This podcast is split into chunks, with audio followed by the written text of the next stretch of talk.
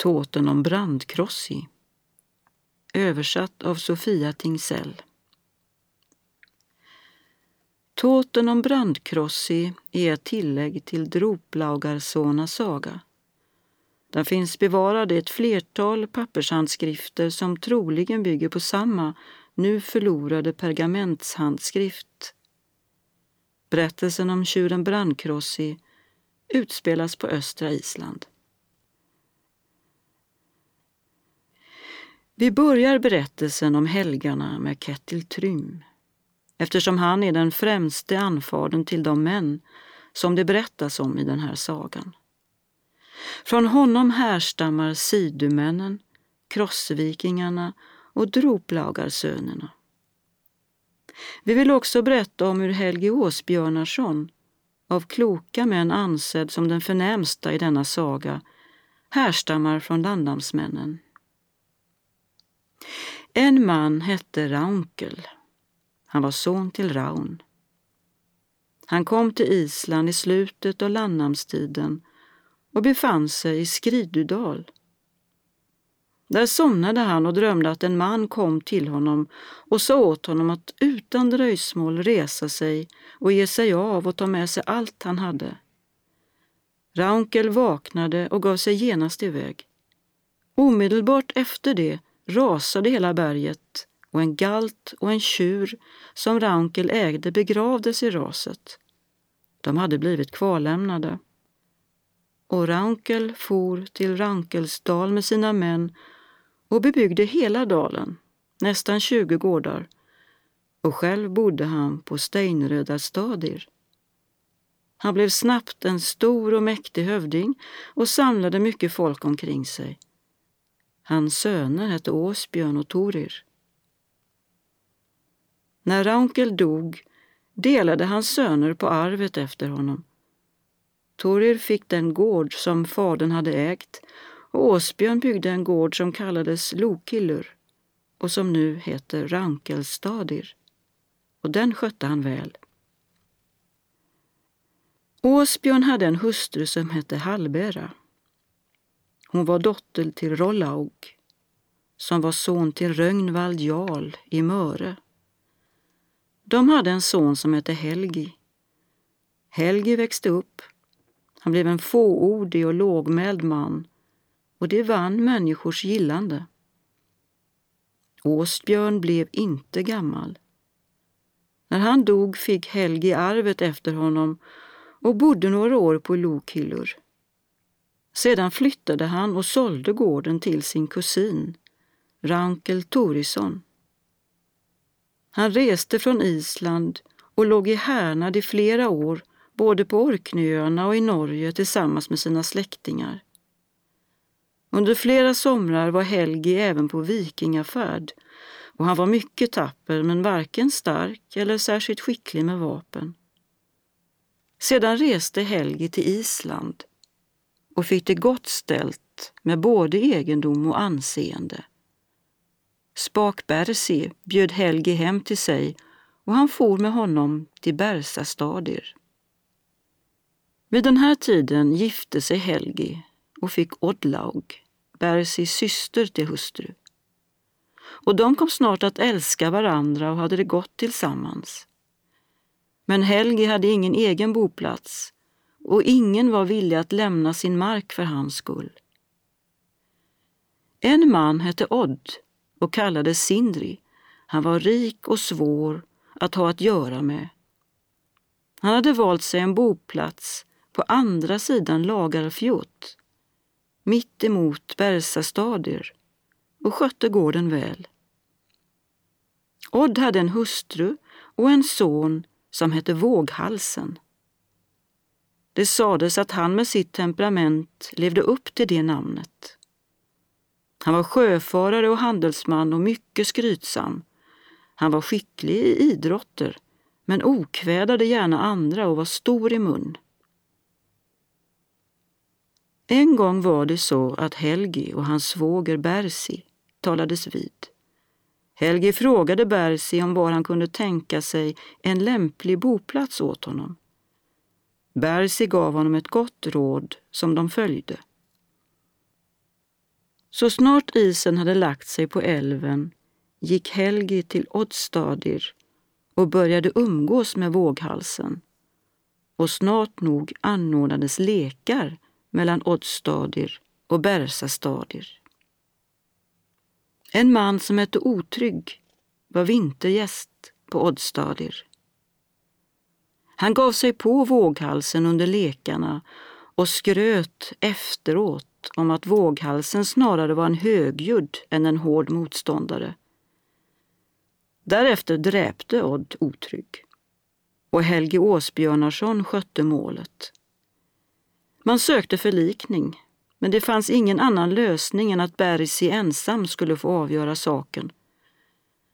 Bersi utdömde en liten penningbot och vräkte Odd från hans bostad och han tvangs bort från häradet. Odd ogillade starkt utgången av målet men så blev det eftersom många tyckte att han fick vad han förtjänat. Helge Åsbjörnarsson köpte Oddstadir trots att Odd misstyckte. Men det fick bli så att Odd måste lämna gården och sen berättas det inte mer om honom i den här sagan, trots att han har ansetts vara en stor man. Helgi satte bo och ordnade allt på Oddstadir på en och samma dag och föresatte sig att flytta hela sitt hushåll dit redan första fardagen. Men medan Odd gjorde sig redo för avfärd lät han slakta och tillreda en oxe och den första fardagen när han var klar att ge sig av såg han till att bord sattes fram utefter bänkarna och att allt det tillagade köttet bars fram. Odd gick dit och sa Här har nu omsorgsfullt dukats ett bord, som till våra käraste vänner. Denna fest tillägnar jag Frej, så att han inte låter den som nu tar över Oddstadir lämna platsen med mindre bitterhet än jag lämnar den med nu. Därefter for Odd iväg med hela sitt hushåll. Vissa av ättlingarna till Droplagarsönerna säger att de inte känner till den här historien. Men även om somliga tvivlar på att den är sann är det roligt att höra den. En man hette Grim och bodde i Voppnafjörd i Inre Vik. Han var en ung man, gift och hade det gott ställt. Han födde upp en oxe med ett vitt brandkors i pannan och det var ett fint djur till både utseende och storlek. Denna oxe tyckte han bättre om än all annan boskap han ägde. Oxen gick ute på klövervallen på sommaren och den fick mjölk både vinter och sommar. En sommar när oxen var tio år gammal och höet var satt i stackar runt husen hände det att oxen sprang av och an och välte stackarna. Männen ville fånga in oxen, men det lyckades inte och det gick inte bättre bara för att fler män försökte, utan oxen sprang sin väg och kom till slut fram till yttre Krossavik, där han fortsatte ut i havet och simmade iväg utom synhåll. Grim blev mycket upprörd över att ha förlorat sin oxe. Han hade en bror i Öxarfjörd som hette Torstein. Denne var en duktig bonde, en klok och omtyckt man. Bröderna stod varandra nära. Nu fick Torstein bud om att han skulle komma och besöka sin bror Grim i Vik. När bröderna träffades sa Torstein till Grim att inte ta så illa vid sig av förlusten och att det fanns mycket att glädja sig åt. Grim hade stora rikedomar och det skulle säkert gå att föda upp en annan oxe som inte var sämre än den förra. Och det låg en stor ära i att båda vikarna skulle få namn efter hans oxe. Men för Grim gick allt som Torstein sa in genom ena örat och ut genom det andra. Torstein stannade hela vintern för att trösta sin bror. Men Grim var ändå mycket nedslagen. Han sov dåligt och ville knappt äta. Och när vintern var förbi hörde sig Torsten för med Grim om han ville ge sig ut på en utlandsresa och sa att en sån var bra mot tungsinthet och att det tog tankarna ifrån de svårigheter som stod i vägen för ens glädje och välbefinnande. Grim sa att han skulle resa om Torsten följde med. Och Torsten sa att han gärna ville resa om det kunde göra Grim lättare till sinnes. De satte män till att sköta sina egendomar och så seglade de båda bröderna iväg från Unaås utan särskilt mycket pengar. På den tiden brukade man ha med sig vävda yllekapper som handelsgods. Och det hade också de. Resan gick bra och deras skepp anlöpte Trondheim. De slog upp sina tält på land och besättningen lämnade skeppet och for till sina hemtrakter. Men bröderna stannade kvar i sitt tält. Tidigt en morgon kom en man till brödernas tält. Denne man var stor och stark. De frågade vad han hette. Han sa att han hette Karhövdi. Då frågade de honom vart han var på väg och varifrån han kom. Han sa sig höra hemma hos en bonde som hette Geitir och att han för Geitirs räkning ville köpa 24 kappor och han sa att Geitir var rik och alltid betalade sina skulder. De sålde till honom de kappor som han ville ha och bad att få mjöl i ersättning. Han kastade kapporna över axeln och gick sin väg. En man som hette Torir och var från det inre av Tröndelag kom därefter till dem och bjöd dem att bo hemma hos sig. Han var en duktig bonde de tackade ja till hans inbjudan och reste dit. De togs väl om hand. De frågade ofta Torir bonde om Geitir, men han sa att han inte visste något om honom. De hade inte varit där länge förrän de ville resa därifrån och söka upp Geitir. Torir försökte avstyra det men lyckades inte. De reste iväg uppåt dalgångarna och frågade hela vägen efter Geitir, men ingen kunde berätta något om honom. Till slut kom de till en man i en avlägsen dal och frågade honom om Geitir, men han sa att han inte kände honom. Då frågade Torstein om han kände till någon plats som var uppkallad efter Geitir. Han sa att det fanns ett ställe som hette Geitishamrar och han berättade för dem hur man tog sig dit. Dagen efter begav de sig dit. Där kom de till en grottmynning. Det brann en eld i grottan. Vid elden satt en man. De kände igen sin gamle kamrat Karhövdi. Han kom genast på fötter och gav dem ett hjärtligt välkomnande. De satte sig vid elden och såg sig omkring. De tyckte sig då se Brandkrossi, Grims oxe, alldeles välbehållen på ena sidan av grottan. Karhövdi tog hand om deras kläder och när han kom tillbaka bjöd han dem att stiga in i storstugan. Och när de kom in satt det män på båda bänkarna iklädda deras kappor. I högsätet satt en stor och ståtlig man i en röd kappa. Denne man hälsade dem välkomna och bjöd dem att stanna så länge de ville.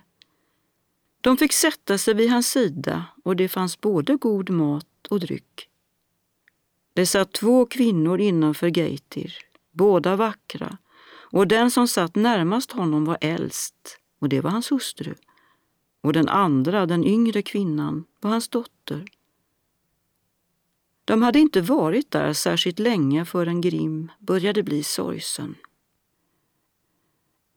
Geitir märkte snabbt detta och en dag sa han till Grim Jag har begått en oförrätt mot dig, Grim.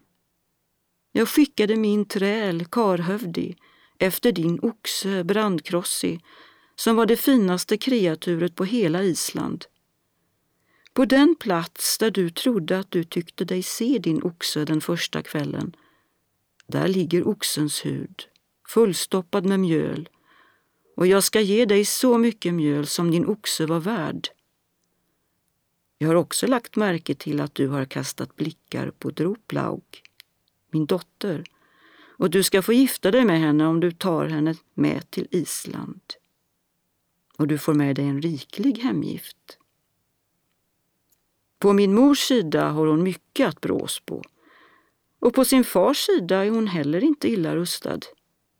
Min mor var en duglig kvinna och min far var ganska ståtlig. Grim tackade ja till erbjudandet och så ordnades Grims och Dropplaugs bröllop. Det blev en storslagen fest och hela vintern sov de alla tre, Grim, Dropplaug och Torstein, i en sidogrotta och Grim och Dropplaug blev allt mer förälskade i varandra. Grim var nu mycket tillfreds. Och när det vårades frågade Geitir Grim vad han ville göra. Grim sa att han inget hellre ville än att resa till Island. Geitir bad då bröderna att köpa och utrusta ett skepp. Han sa att Grim och Droplaug inte skulle bli utan rikedomar och han bad Karhövdi att frakta det de ägde av egendom och handelsvaror ner till skeppet. Bröderna gjorde som Geiter hade föreslagit och förberedde avfärden. Geiter och hans svärson hade ett vänskapsfullt samtal innan de skildes. Geiter bad Grim att ta hand om både sig och hustrun och sa att då skulle allt gå väl. När bröderna var segelklara kom Karhövdi ner till dem och bar brandkrossis mjölfyllda hud på ryggen. Han gick ombord på skeppet och la försiktigt ner den där de ville ha den. Sen kom han en andra gång och hade med sig betalningen för kapporna. Tredje gången kom han med två kistor. I den ena låg Dropplaugs kläder och dyrbarheter, i den andra guld, silver och andra skatter. Det var Dropplaugs hemgift. Därefter gav de sig ut på havet. Färden gick bra och de kom till inre Krossavik. Och där bars Brandkrossis hud i land och båda vikarna blev så uppkallade efter oxen. Därefter sålde bröderna skeppet och reste hem till sina gårdar. Torstein gifte sig och ansågs vara en utmärkt bonde och hans släkt bredde ut sig i Öxarfjörd. Och Grim bodde i Krossavik och var lycklig så länge både han och Droplaug var i livet. Han hade rykte om sig att vara en duglig man och Droplaug var en fin och godhjärtad kvinna, omtänksam, ärlig och lågmäld. Hon var stolt och hårdnackad om man satte sig upp mot henne, en god husmor, trofast mot sina vänner men tvär mot ovänner. Droplaug blev inte gammal utan dog i sjuksäng och Grim blev förtvivlad över att mista henne. Han sörjde henne djupt och blev mycket olycklig. De hade en dotter som hette Mardöl. Hon var en vacker och högt aktad flicka och mycket lik sin mor, omtänksam, omtyckt och vänfast när hon blev gammal nog för det. Hon skötte sin fars gård efter moderns död. Hon tog hand om allt på bästa sätt. Sen gifte hon sig österut i Häradsdal till gården Gilså och blev mor till Grim Mardallarsson som var far till Droplaug, mor till Grim och Helgi Droplaugarsson.